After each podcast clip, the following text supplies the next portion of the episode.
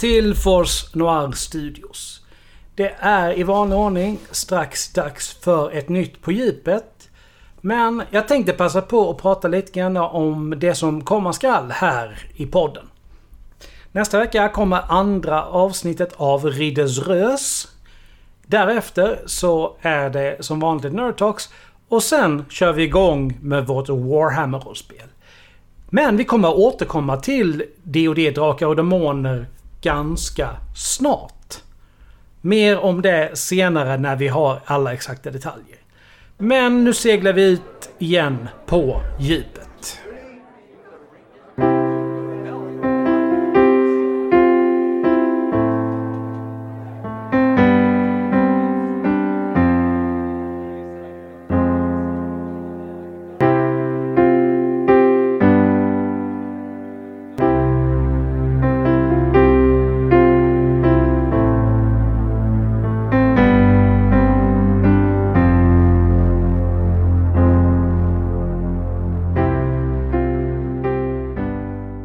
Välkomna till ett nytt På djupet här på Force Noir Studios. Idag sitter jag här med en författare som bland annat har skrivit böcker som Lina Ballerina och Demonerna. Den boken som vi kommer att prata om, tror jag, sa jag nästan här nu, eh, varför det är Napptrollet. Och eh, tre sagor. Välkommen till på djupet, Stella. Ja, men uh, tack så mycket Alexander. Mm. Uh, det är uh, fantastiskt roligt att jag får vara ja. med. Och vi ska, vi ska liksom bara för att vara noggranna, Stella Tormanoff. Uttalade jag det rätt nu? Jajamän. Ja. Så, så vem är du?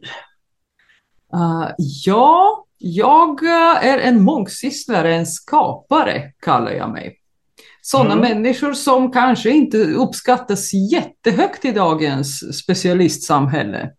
Men uh, jag följer mitt hjärta och uh, gör det jag vill göra. Och på det sättet så är jag lite annorlunda. Uh, jag har svårt att foga mig lite grann i, i kanoner, så att säga, och i allmänna uppfattningar om vad som, som ska vara. Ja, uh, mångsysslare tror jag nog. Du, ja. Många hade kallat det också.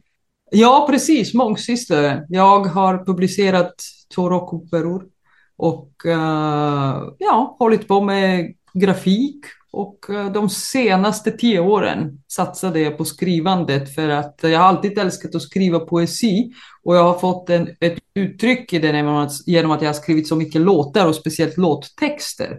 Men uh, när man gjorde som ett avslut i, med musiken, jag har inte slutat helt och hållet att hålla på med musik, men uh, övervägande har jag slutat hålla på med musik, så uh, kändes det som att jag behöver skriva, jag behöver uttrycka.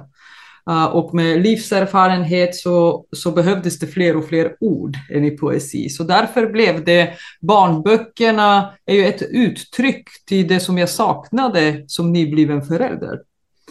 Uh, Lina Ballerina och demonerna, det är ju en ungdomsroman. Och det, uh, som det står i förorden på boken, den, den romanen inspirerades av min uh, korta tid som uh, vikarielärare på diverse uh, högstadie, mellanstadieskolor i hela landet, så att säga. Och uh, därför skrev jag det, för jag kände att det behövde skrivas om det ämnet på rätt sätt. Um, det är ganska mörk och samtidigt ljus och mystisk roman. Och så senaste boken som uh, vi ska väl prata om det antar jag. Mm. Uh, Dörren. Ja. Det, var ju, det är egentligen en sammanfattning av de absolut mörkaste erfarenheterna som en människa möter känslomässigt och mentalt i sitt liv. Mm. Om vi läser här på första sidan så står det ordagrant Dörren. Handbok för hantering av panik, ångest och depression. Ja. Yeah. Det är en manual. Vad, ja. Vad var det som ledde dig till att skriva den? Mm. Uh, låt oss säga så här, jag själv fick bemöta de känslorna. Man möter dem ganska tidigt i livet, men uh, som ung är det svårt att sätta ord på känslorna. Uh, ju äldre man blir, ju mer man analyserar sitt liv och um, sina egna reaktioner på händelser som är utanför ens makt, eh, eller man tror kanske att de är utanför ens makt, desto mera ord kommer det, desto mera man förstår. Uh, och nu vid 40 års ålder så kände jag, jag var, jag gick igenom flera kriser. Uh, kriser som var utanför min makt, saker och ting jag kunde inte påverka. Och när man känner en vanmakt, uh, då eh, upplever man väldigt ofta panik och ångest. Så jag förklarar alla de här begreppen i boken. Uh, boken därför kan läsas av människor som är allt mellan kanske yngre tonåren upp till, ja egentligen vilken ålder som helst. Uh, vad skulle jag säga, 9 och 99. Uh, kanske nio lite tidigt för att det finns ganska många begrepp i boken. Men det förklarar känslorna, den förklarar tankarna, den förklarar vad är panik? Vad är ångest? Vad gör man när man hamnar i de situationerna? För förr eller senare um, så, så hamnar alla i, i dem. Mm. Uh, en del upplever den väldigt mycket, väldigt stort, andra upplever den väldigt lite. Min egna reflektion är att jag kommer från ett land där känslomässiga uttryck uh, som rädsla till exempel, panik och ångest, det är skamstämplad. Uh, mm. I många kulturer, uh, i de flesta kulturer egentligen, så uttrycker man inte de känslorna. Och då brukar ju folk förtrycka dem inom sig och då tar de ju form och kommer ut på ett annat sätt. I form av konflikt med någon, i form av uh, ibland uh, fysiska åkommor. Så det finns massor, massor med olika sätt att de känslorna uttrycks på ett undermedvetet sätt. Uh, därför är det ju bra att man är medveten om dem och man vet vad man ska göra så att man ska få både kontroll över sitt liv och en balans i sitt inre. Jag tror ju att det, alltså, alla har nog någon gång i sitt liv upplevt vad som händer när man försöker förtrycka känslor och stänga in dem. Det funkar ju inte till slut. Du exploderar på ett eller annat sätt och som du säger, hur det tar sig uttryck, det, är en helt det, det kan vara en helt annan historia. Men det funkar inte. Så det där tror jag definitivt att folk kan känna igen sig i. Och det jag tänker på när du säger det är ju att yngre människor har ju inte kommit dit än, där de verkligen upplevt det. Det här skulle kunna ge dem liksom en, alltså förberedelse för hur det kan komma och te sig och då kanske det inte blir lika dramatiskt. Precis, uh, och det, jag tror att jag börjar med det i, i första kapitlet.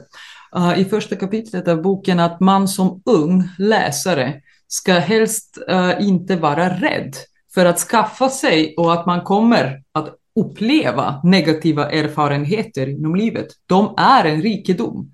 För att jag förklarar också um, relativiteten i människans psyke Uh, vi lär oss ingenstans under vår skoluppgång eller under, uh, ja, egentligen livets gång under våra medvetna utbildningssystem. Vi lär oss ingenstans om relativiteten i människans psyke och uppskattningsförmåga. Och det är någonting som jag har till och med byggt upp uh, och förklarat med en hel vetenskaplig formel.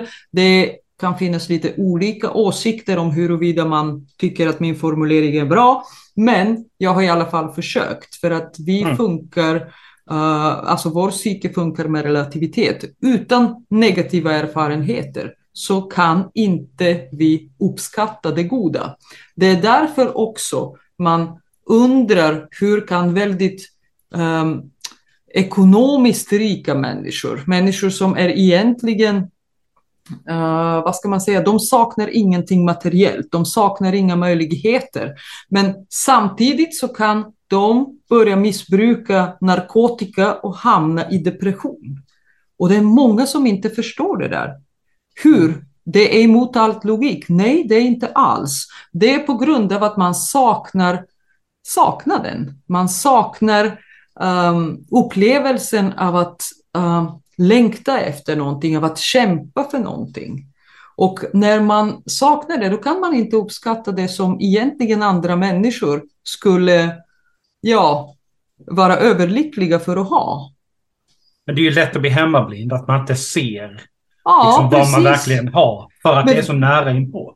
Precis, och vi pratar inte om det. Vi pratar inte hur uh, saknaden av um, lidande, saknaden av negativ erfarenhet gör oss bättre människor. Ja, men du kan ju inte uppskatta solen om det inte regnar ibland. Eller Bara för att dra en annan parallell. Liksom. Det, mm. En annan grej som jag tänkte på där som du säger, liksom, att, att ett misstag behöver ju inte vara ett misstag egentligen om du har lärt dig någonting av det. Precis. Och det är hur vi ska se, istället för att vi ska gå runt och känna oss misslyckade och känna en oändlig skam över att vi inte har lyckats med något, så kan vi vända på saker och ting och tänka så här, utan den här erfarenheten så skulle jag aldrig kunna och veta det jag vet idag. Den bara behövdes, annars skulle det aldrig hända. Det var ett uttryck jag hörde för ett tag sedan som i princip eh, går så här liksom att du kan ju egentligen aldrig ha nått någonstans om du inte har misslyckats. Och det enda som egentligen ett misslyckande säger är att du verkligen försökte. Mm, precis. Precis. Eh, jag går lite djupare in på det här i boken. Boken är egentligen inte mer än 3000, 30 000 ord. Så um, Boken uh, är inte så tjock, så lång. Den är bara i digital och uh, audioform. Men jag går in uh, väldigt mycket på det här no pain, no gain. Och just att det finns en mening med lidandet.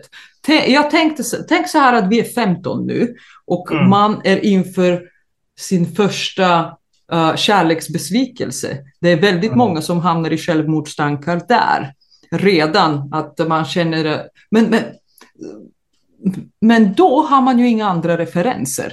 Man tror att den här kärleken det är det första och det sista och det bästa och så har man hört en massa sagor och någon annans uh, uppfattningar också att ja, det är ingenting som kan överträffa den första kärleken och oj, oj, oj, och dessa sagor och allt möjligt. Och då blir ju då, då, då kan ju folk uppleva, just också på grund av saknaden av erfarenhet, en fruktansvärt ångest, panik.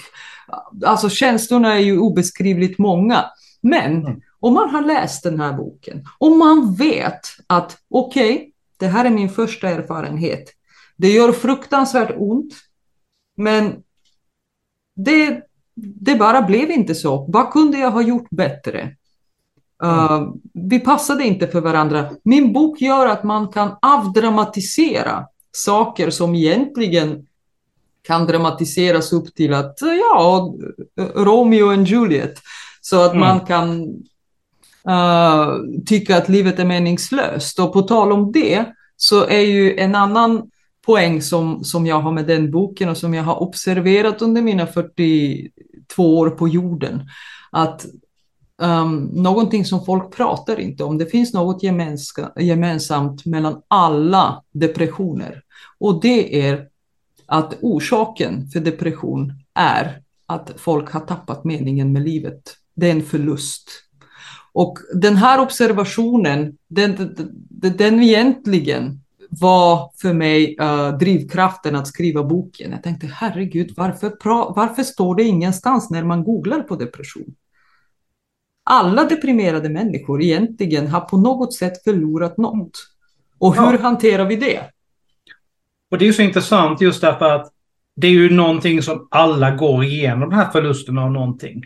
Mm. Om det innebär att, någon, att en familjemedlem dör eller att någon du är tillsammans med förhållandet slut. Alla har ju upplevt det. Det är liksom något så... Alltså en grej som verkligen vi har gemensamt. Så att det är, det är rätt intressant att det inte pratas om. En annan grej jag tänkte på där också, som du, det är ju att när det gäller unga människor så är det ju så också att det finns ju forskning nu som säger att det är inte bara det att de tror att känslorna alltså är så pass mycket starkare. De är verkligen det för yngre människor. Kanske därför att de inte har fler referenser. Man vet inte exakt varför det är så. Men deras känslor, de ter sig så mycket starkare än vad det gör för en, för en vuxnare individ. Så det är ju också en kugge i hjulet som man någonstans måste ta hänsyn till. Ja, precis. Vi måste ha fler erfarenheter för att ju fler erfarenheter man har, desto mer man avdramatiserar. Det är precis som med barn. Har du ett barn så snurrar ju hela din värld runt detta barn. Detta barn. Men har du åtta barn så blir det ju inte alls lika dramatiskt med det där första barnet så att säga. Mm. Och så var det tidigare. Folk hade många barn och man, hade en helt annan relation till sina barn och de blev fantastiska människor de också.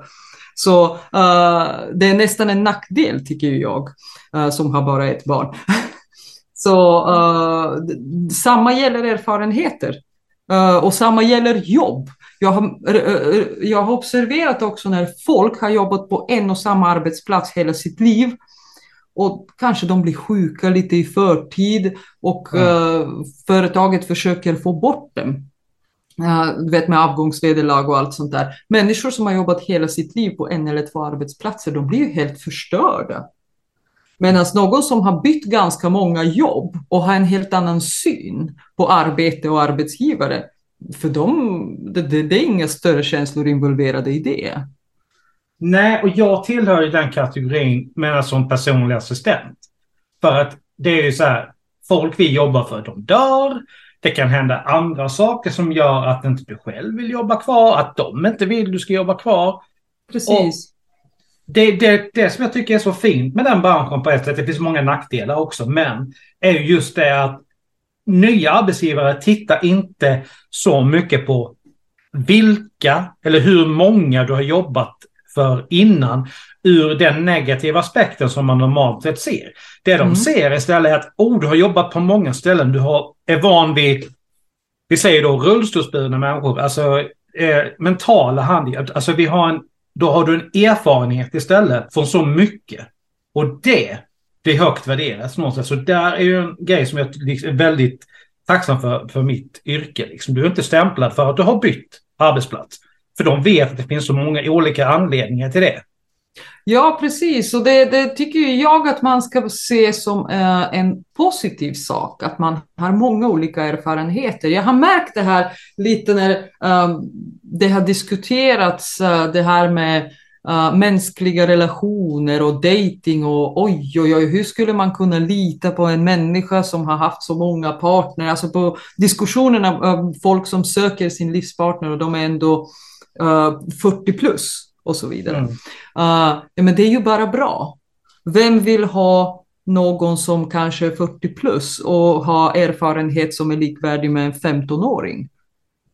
Det är, det, då blir det ju väldigt fel. Alltså alla erfarenheter är ju relaterade till sin ålder. Det är okej okay att vara oerfaren när du är 15. Men mm. det är mindre okej, okay, uh, överhuvudtaget mindre funktionellt att vara oerfaren när du är 40. Så att man, jag, jag blir lite häpen när folk har en negativ syn på, på erfarenhetsrikedom på äldre dagar. Det är ju det man ska ha. När man, ja, det... alltså, när, man blir äldre. Man ska ha bytt många jobb, man ska ha bytt en del partner, man ska ha gjort mycket i livet för att då vet man vad livet handlar om. Ja, inte bara det. Du får ju också, alltså man får ju en lägre tolerans någonstans för bullshit, alltså för skit. Mm. För att du har varit med om så mycket och du vet vad du absolut inte tycker om och vad du, ja men det här kan jag acceptera och vad som du tycker är jättebra. Precis. Och det uh. tror, jag, tror det är därför också som du med åldern blir mycket mer liksom bekväm. Alltså det med bara vara, nej men det är helt okej att ta en kväll hemma i soffan. För att nej men jag har, gjort, jag har redan gjort allt det här. Jag kan ta och bara liksom ladda batterierna. För då är jag mer öppen och liksom redo för nästa grej istället. Precis, man har inte samma prestationsångest på något vis. Nej. Det som jag tyckte, och för att återgå till ämnet, är ju väldigt viktigt att just det här med att ingen i våran utbildningssystem pratar om meningen med livet just det här som vi diskuterar, att det är lärande. Vi finns för att lära oss och för att samla erfarenheter. Och folk kan inte se en logik i det. Men ser man inte logik i det, då kan man uppleva allt som kaotiskt. Men det är mm. ju inte det. Uh, och uh, själv har jag ju varit väldigt sökande och ifrågasättande människa. Jag har aldrig tagit en uh, auktoritet för givet. Jag har aldrig tagit någons ord för givet och det tycker ju folk är väldigt jobbigt för att jag vill resonera mig alltså själv eh, till, eh, till slutsatserna. Jag vill gå igenom allt. Och det har tagit mig många år att skriva denna inte så långa bok. Alltså inte för att jag har jobbat så mycket på boken, men jag har, jag har grubblat mycket innan jag har kommit fram till de slutsatserna. Mm. Uh, för hade jag tvekat det minsta lilla i det jag skriver, då skulle jag inte ha skrivit det. Uh, men det är någonting som jag tycker är otroligt viktigt att ta upp Uh, det finns otroligt många ämnen på skolan, alltså under skolans gång, redan på mellan och högstadiet, att börja diskutera um, det är meningen med livet och lidandet. Jag um, har senast jobbat som, jag har vikarierat inom Svenska kyrkans barnverksamhet. Och där får man faktiskt möjlighet på de få timmarna man har att ta upp just sådana frågor. För att man mm. har egentligen ingen plan förutom att försöka, att försöka göra något gott mm. för de här själarna som ändå har valt att komma till oss. Uh, och uh, jag säger inte att man måste ha någon form av, absolut inte att man behöver ha någon form av religiös formulering. Absolut inte. Men att man har en ödmjukhet i att det finns en logik i livet. Det mm. finns en logik och den, den, alltså livet är inte meningslöst. Men det, det, finns ju många saker nu om vi är inne på det där som egentligen jag kan tycka liksom att skolan borde lära ut. Visst, när vi kommer upp på gymnasiet där så kommer ekonomi in i, i biten en, en del. Men det finns ju ingen, ingenting där som lär oss hur vi ska deklarera själva, själva för första gången. Och för att inte tala om den grejen att när vi blir vuxna och flyttar hemifrån. Det är ingen som faktiskt, alltså på riktigt talar om för oss att allt det där som föräldrarna gjorde innan, ja men se till att städa, bädda, du ska göra läxorna. Det där får du helt plötsligt ansvar för själv. Och det har ingen talat om för dig på riktigt. Det är kanske vissa föräldrar som gör det. Men överlag så finns det ingen som berättar det för dig.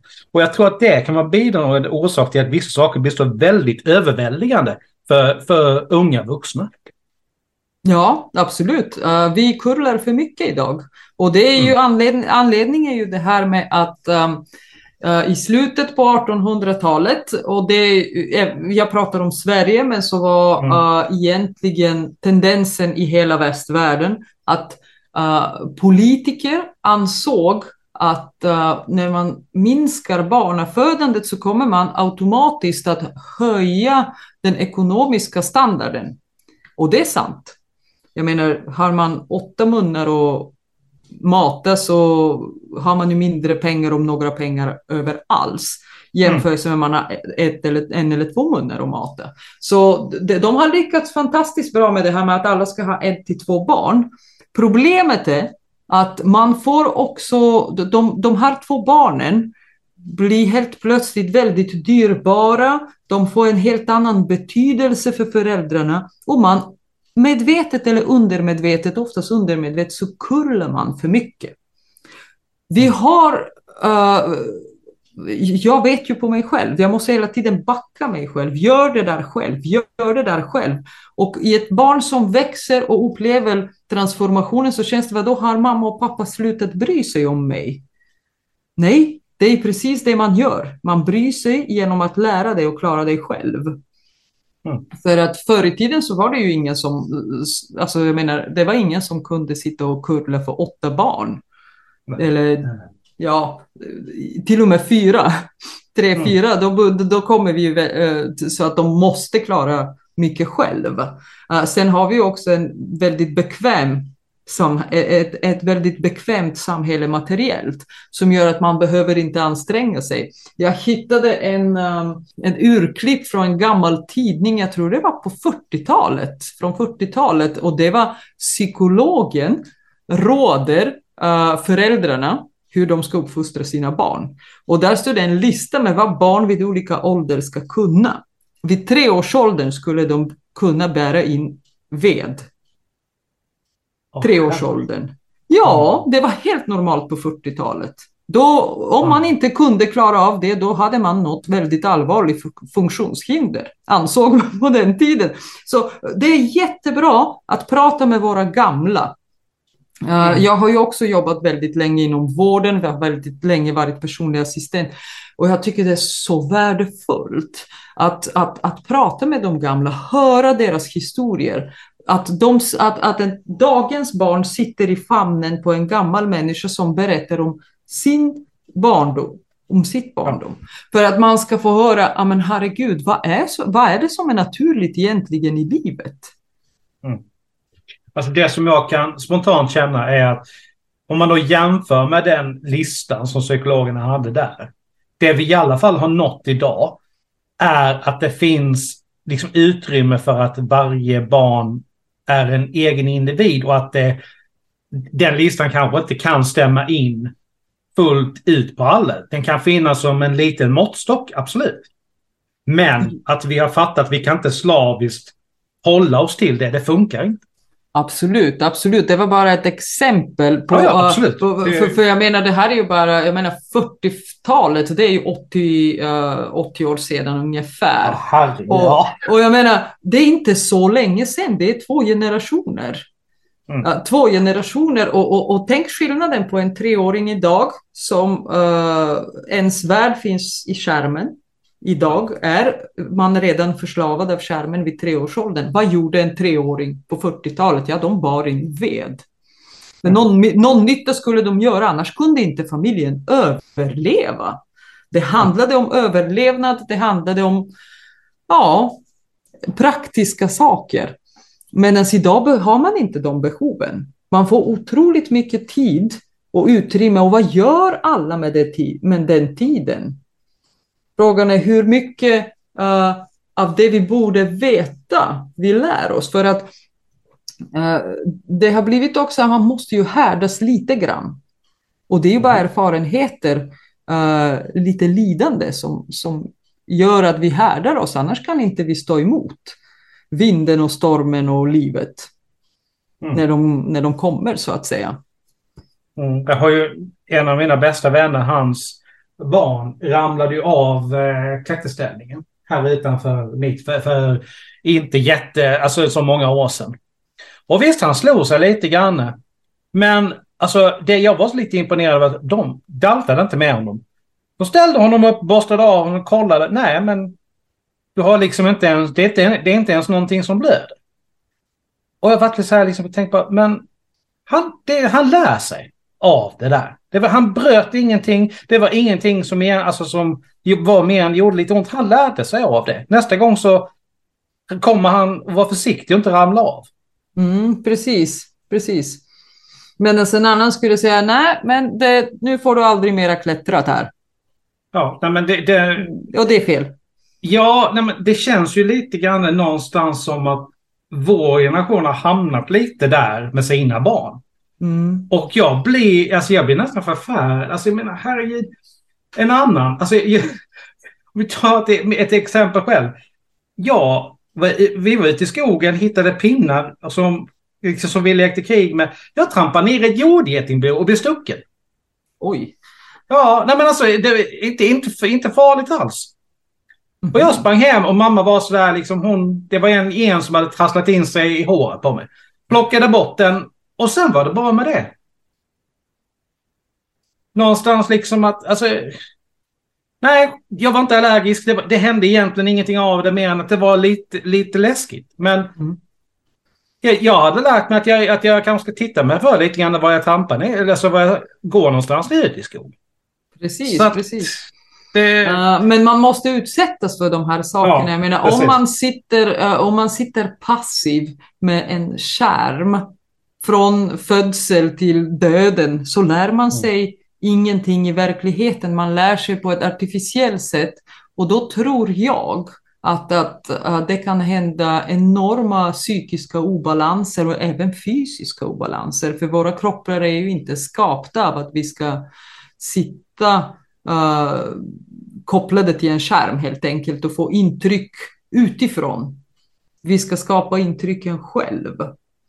Alltså rent fysiologiskt så har vi, har vi alltså kroppar som fortfarande är kvar någonstans, alltså vid de första Homo sapiens. Vi är gjorda för att vara i rörelse, inte mm. sitta still på ett, liksom i ett kontor på en stol hela dagen. Vi är inte gjorda för det än. Så det är inte så konstigt Men... att folk mår som de gör, att det finns både alltså, problem alltså, psykologiskt och att kropparna mår som de gör och att vi blir allt större. Det finns ett samband där som, de, som liksom pratas alldeles för lite om. Ja, det, är också, det, det har kommit nu också diagnoser på alla barn som faktiskt är lite närmare naturen. Deras band till naturen är lite starka och de klarar inte av att sitta alla de där timmarna på skolan.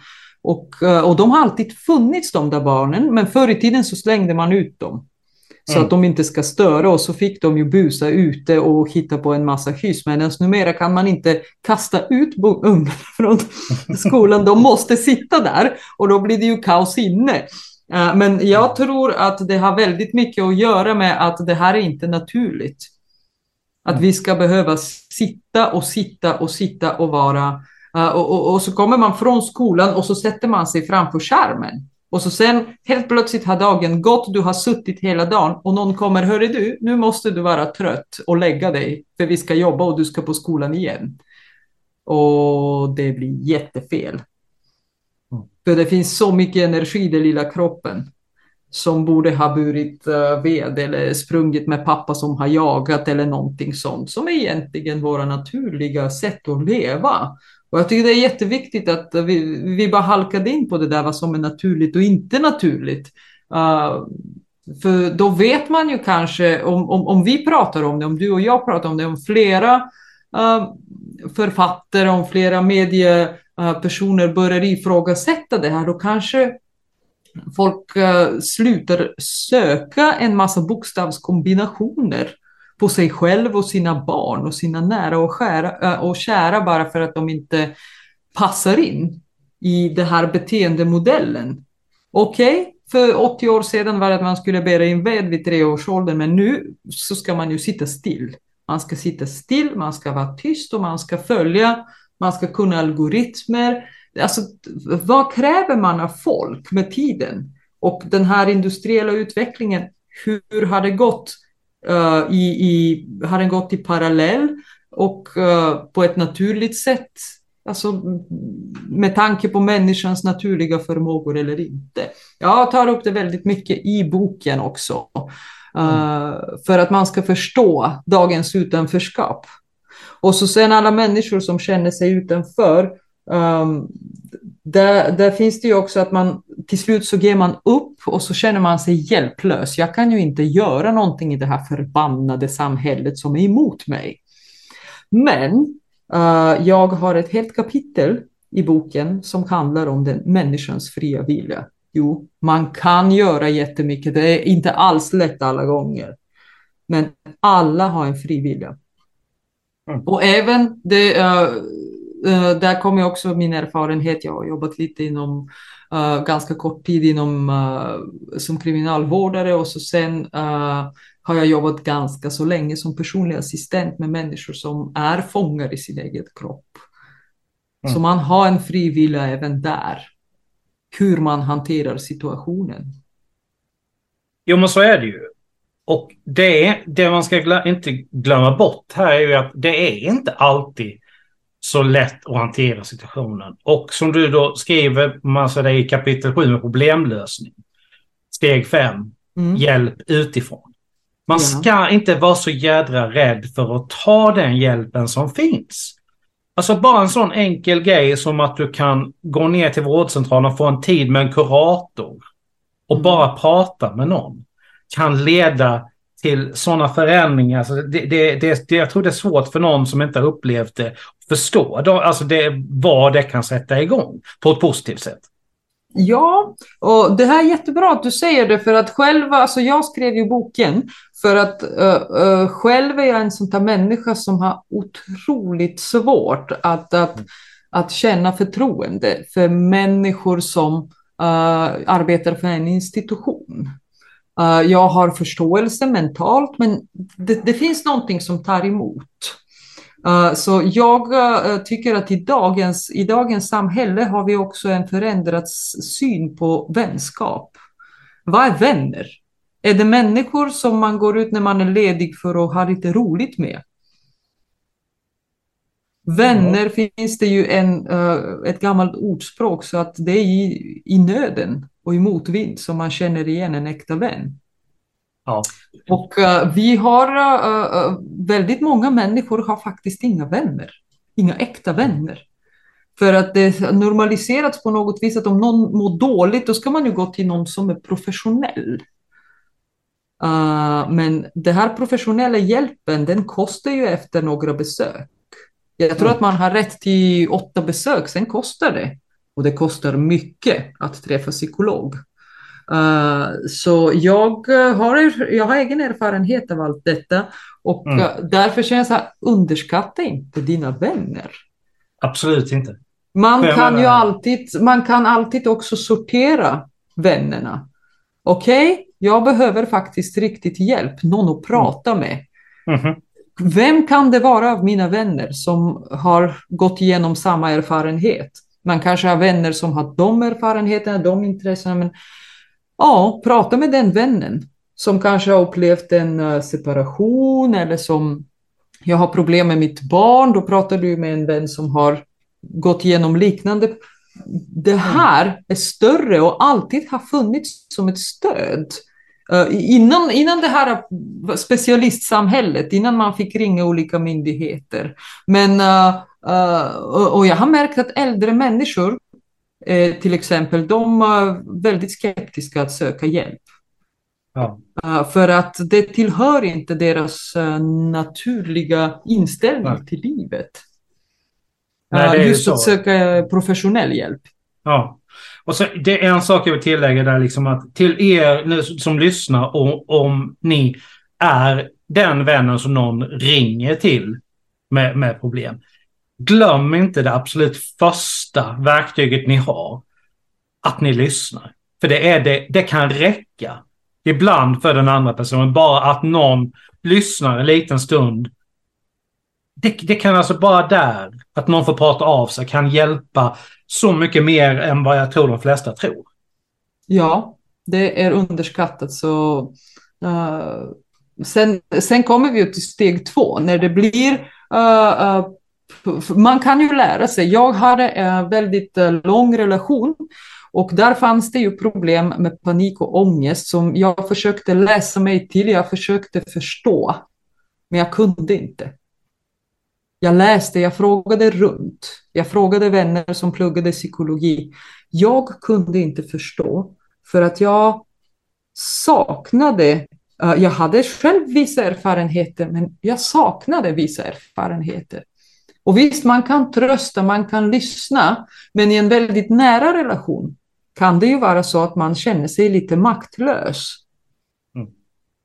Uh, så det, det, är en sån där erfarenhet som jag har behövt uh, gå igenom själv.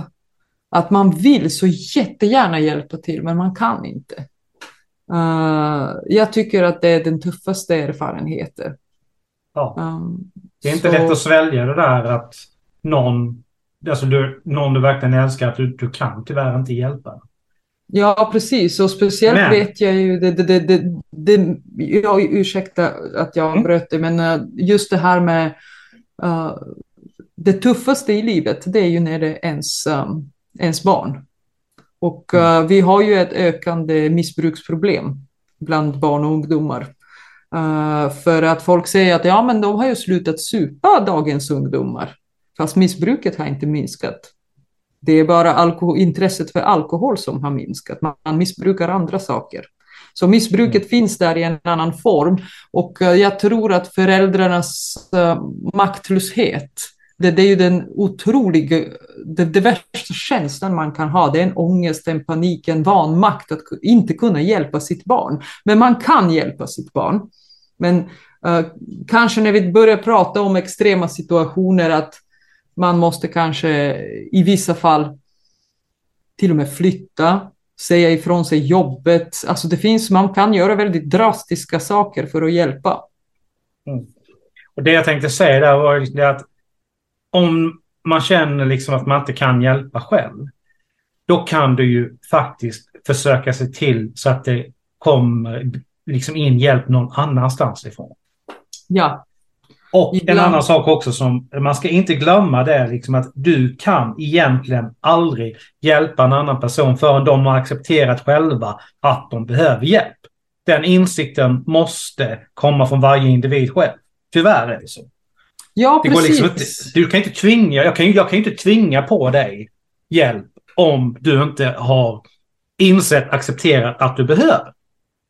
Precis. Uh, I uh, min bok, i manualen där för hantering av panikångest och depression, så ingår det ju också människor som har missbruksproblem. Och boken uh, är avslutad med en sjustegsprogram.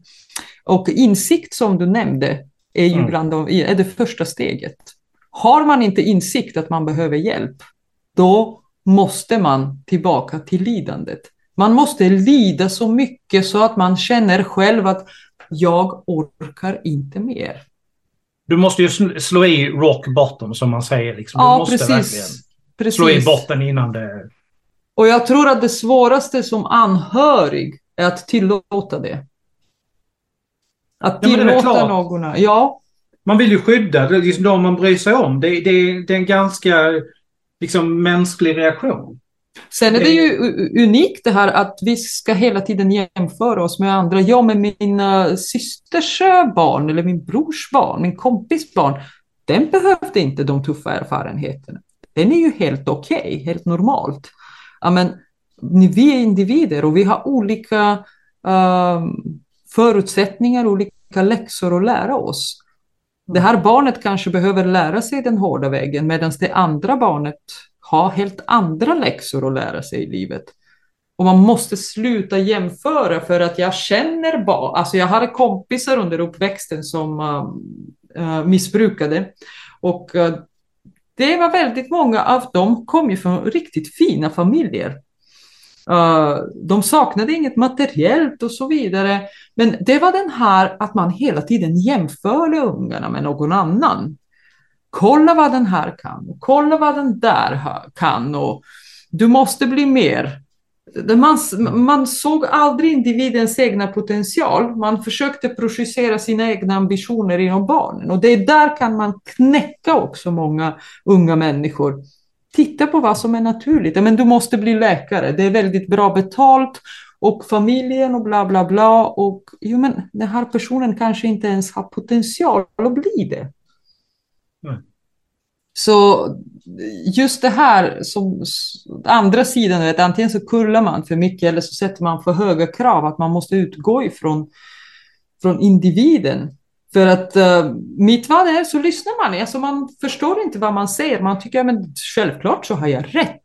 Jag har ju haft, jag är ju uppvuxen på det viset och jag har ju, mina föräldrar har haft rätt. Men titta på ditt barn, det är kanske annorlunda. Och uh, man kan inte ställa samma krav på alla människor.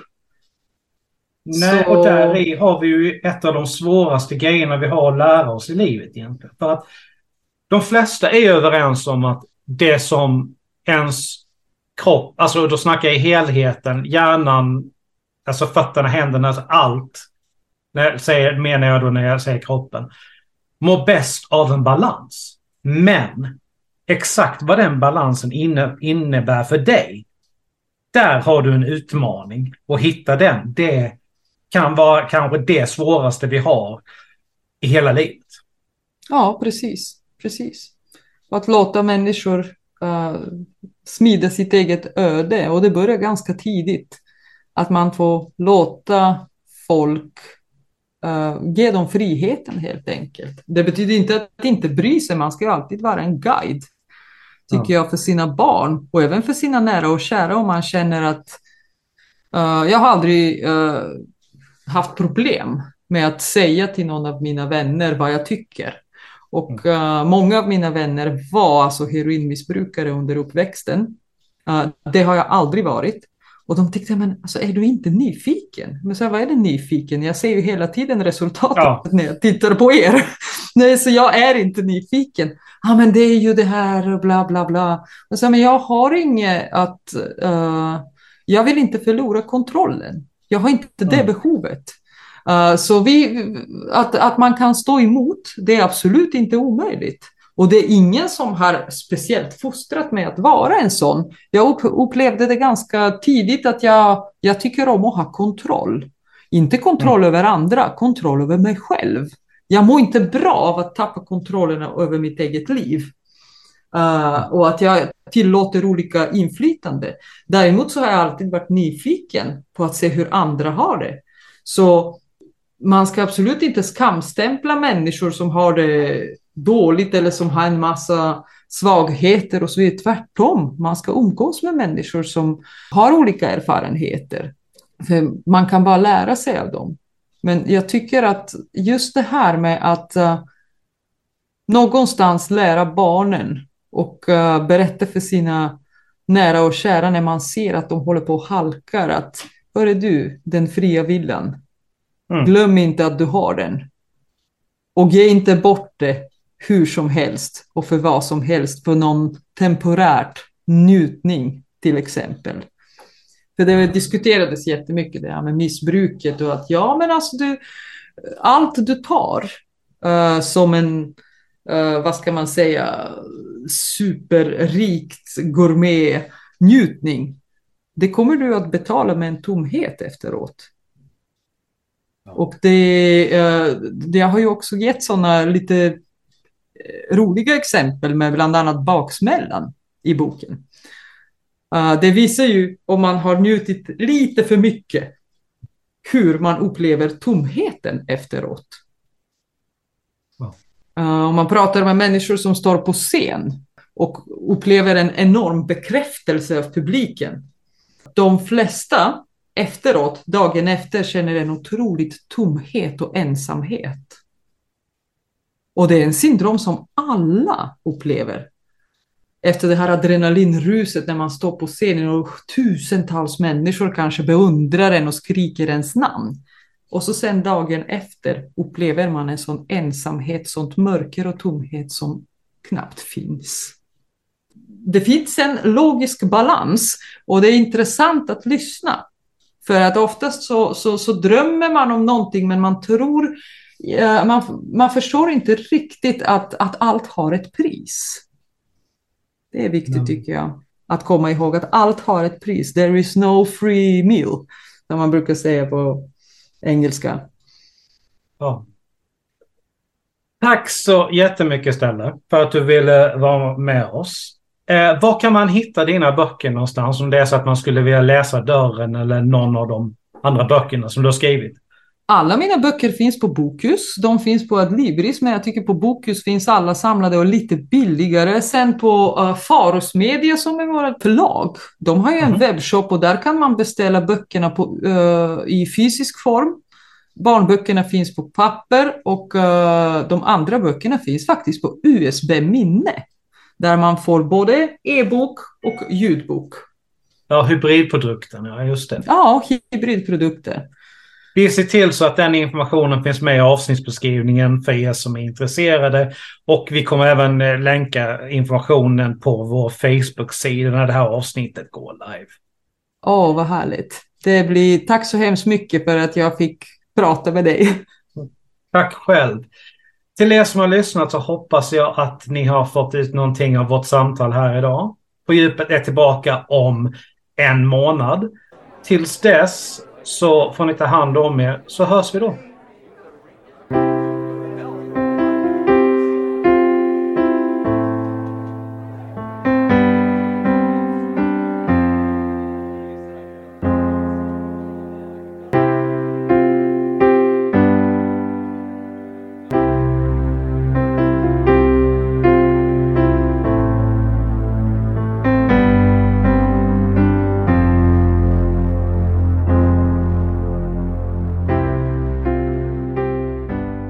Tack för att du lyssnat på dagens avsnitt. Musiken är gjord av Imaginary Stars Production. Vi skulle uppskatta om ni gillade våra inlägg på Facebook, Instagram och Twitter då det hjälper att motivera oss i det vi gör. Vi skulle ännu mer uppskatta om ni gick in på Spotify och gav podcasten ett betyg för det hjälper oss att synas i deras flöden. Ta hand om er så hörs vi snart igen. Stay tuned!